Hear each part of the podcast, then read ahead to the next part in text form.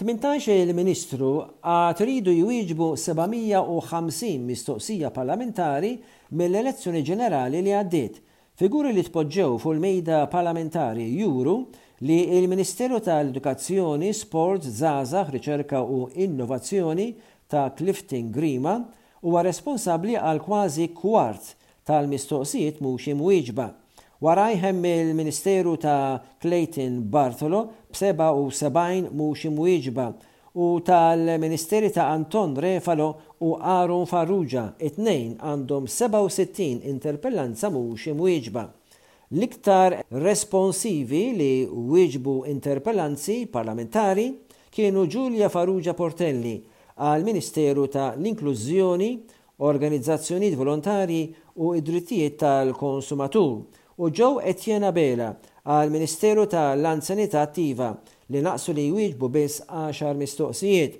Dawn il-figuri kienu żvelati mill-Ispeaker Anġlu Farrugia, b'risposta parlamentari magħmula mid-Deputat Nazzjonalista Għawdxi Chris Said.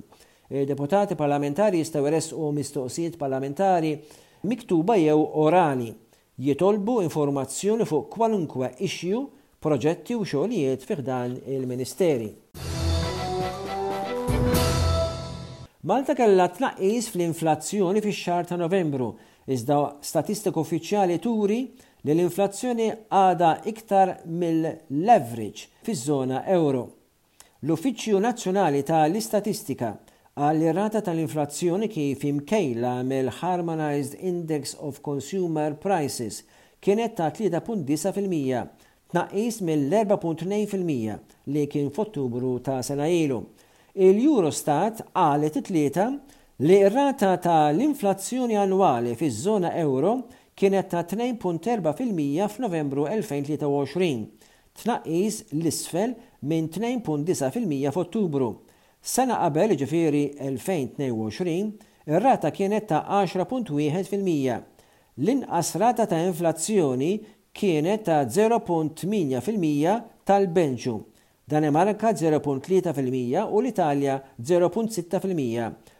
L-ogħla rati ta' inflazzjoni kienu reġistrati fir-Repubblika Ċeka, 8 fil-mija, l-Ungerija, 7.7 fil-mija, u Slovakkja u r-Rumanija, it-tnejn, l-istess ta' 6.9 fil-mija. F'Novembru, l-ogħla kontribuzzjoni fl-inflazzjoni annwali fiż-żona euro kienet ġejja mis-servizzi.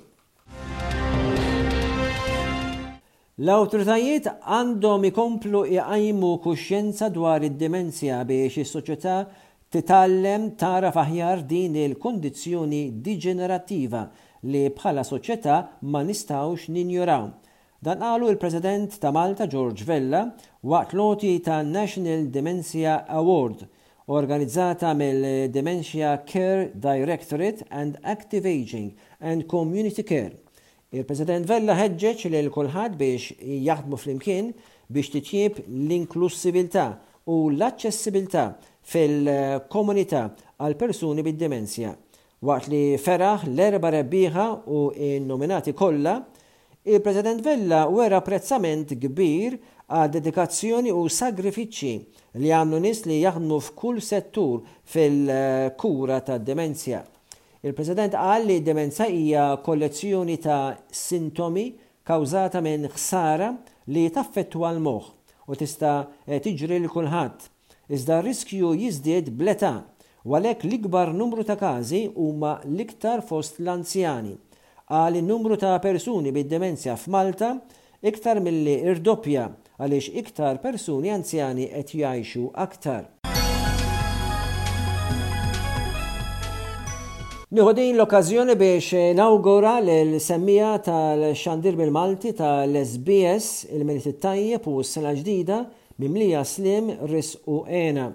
Huwa ta' sodisfazzjon għalija li fejn nista' inwasslilkom dawn l-aħbarijiet minn Malta tul is-sena, għal tant snin, iżda dejjem b'laqta ta' dak li jkun qed iseħħ matul dik il-ġimgħa.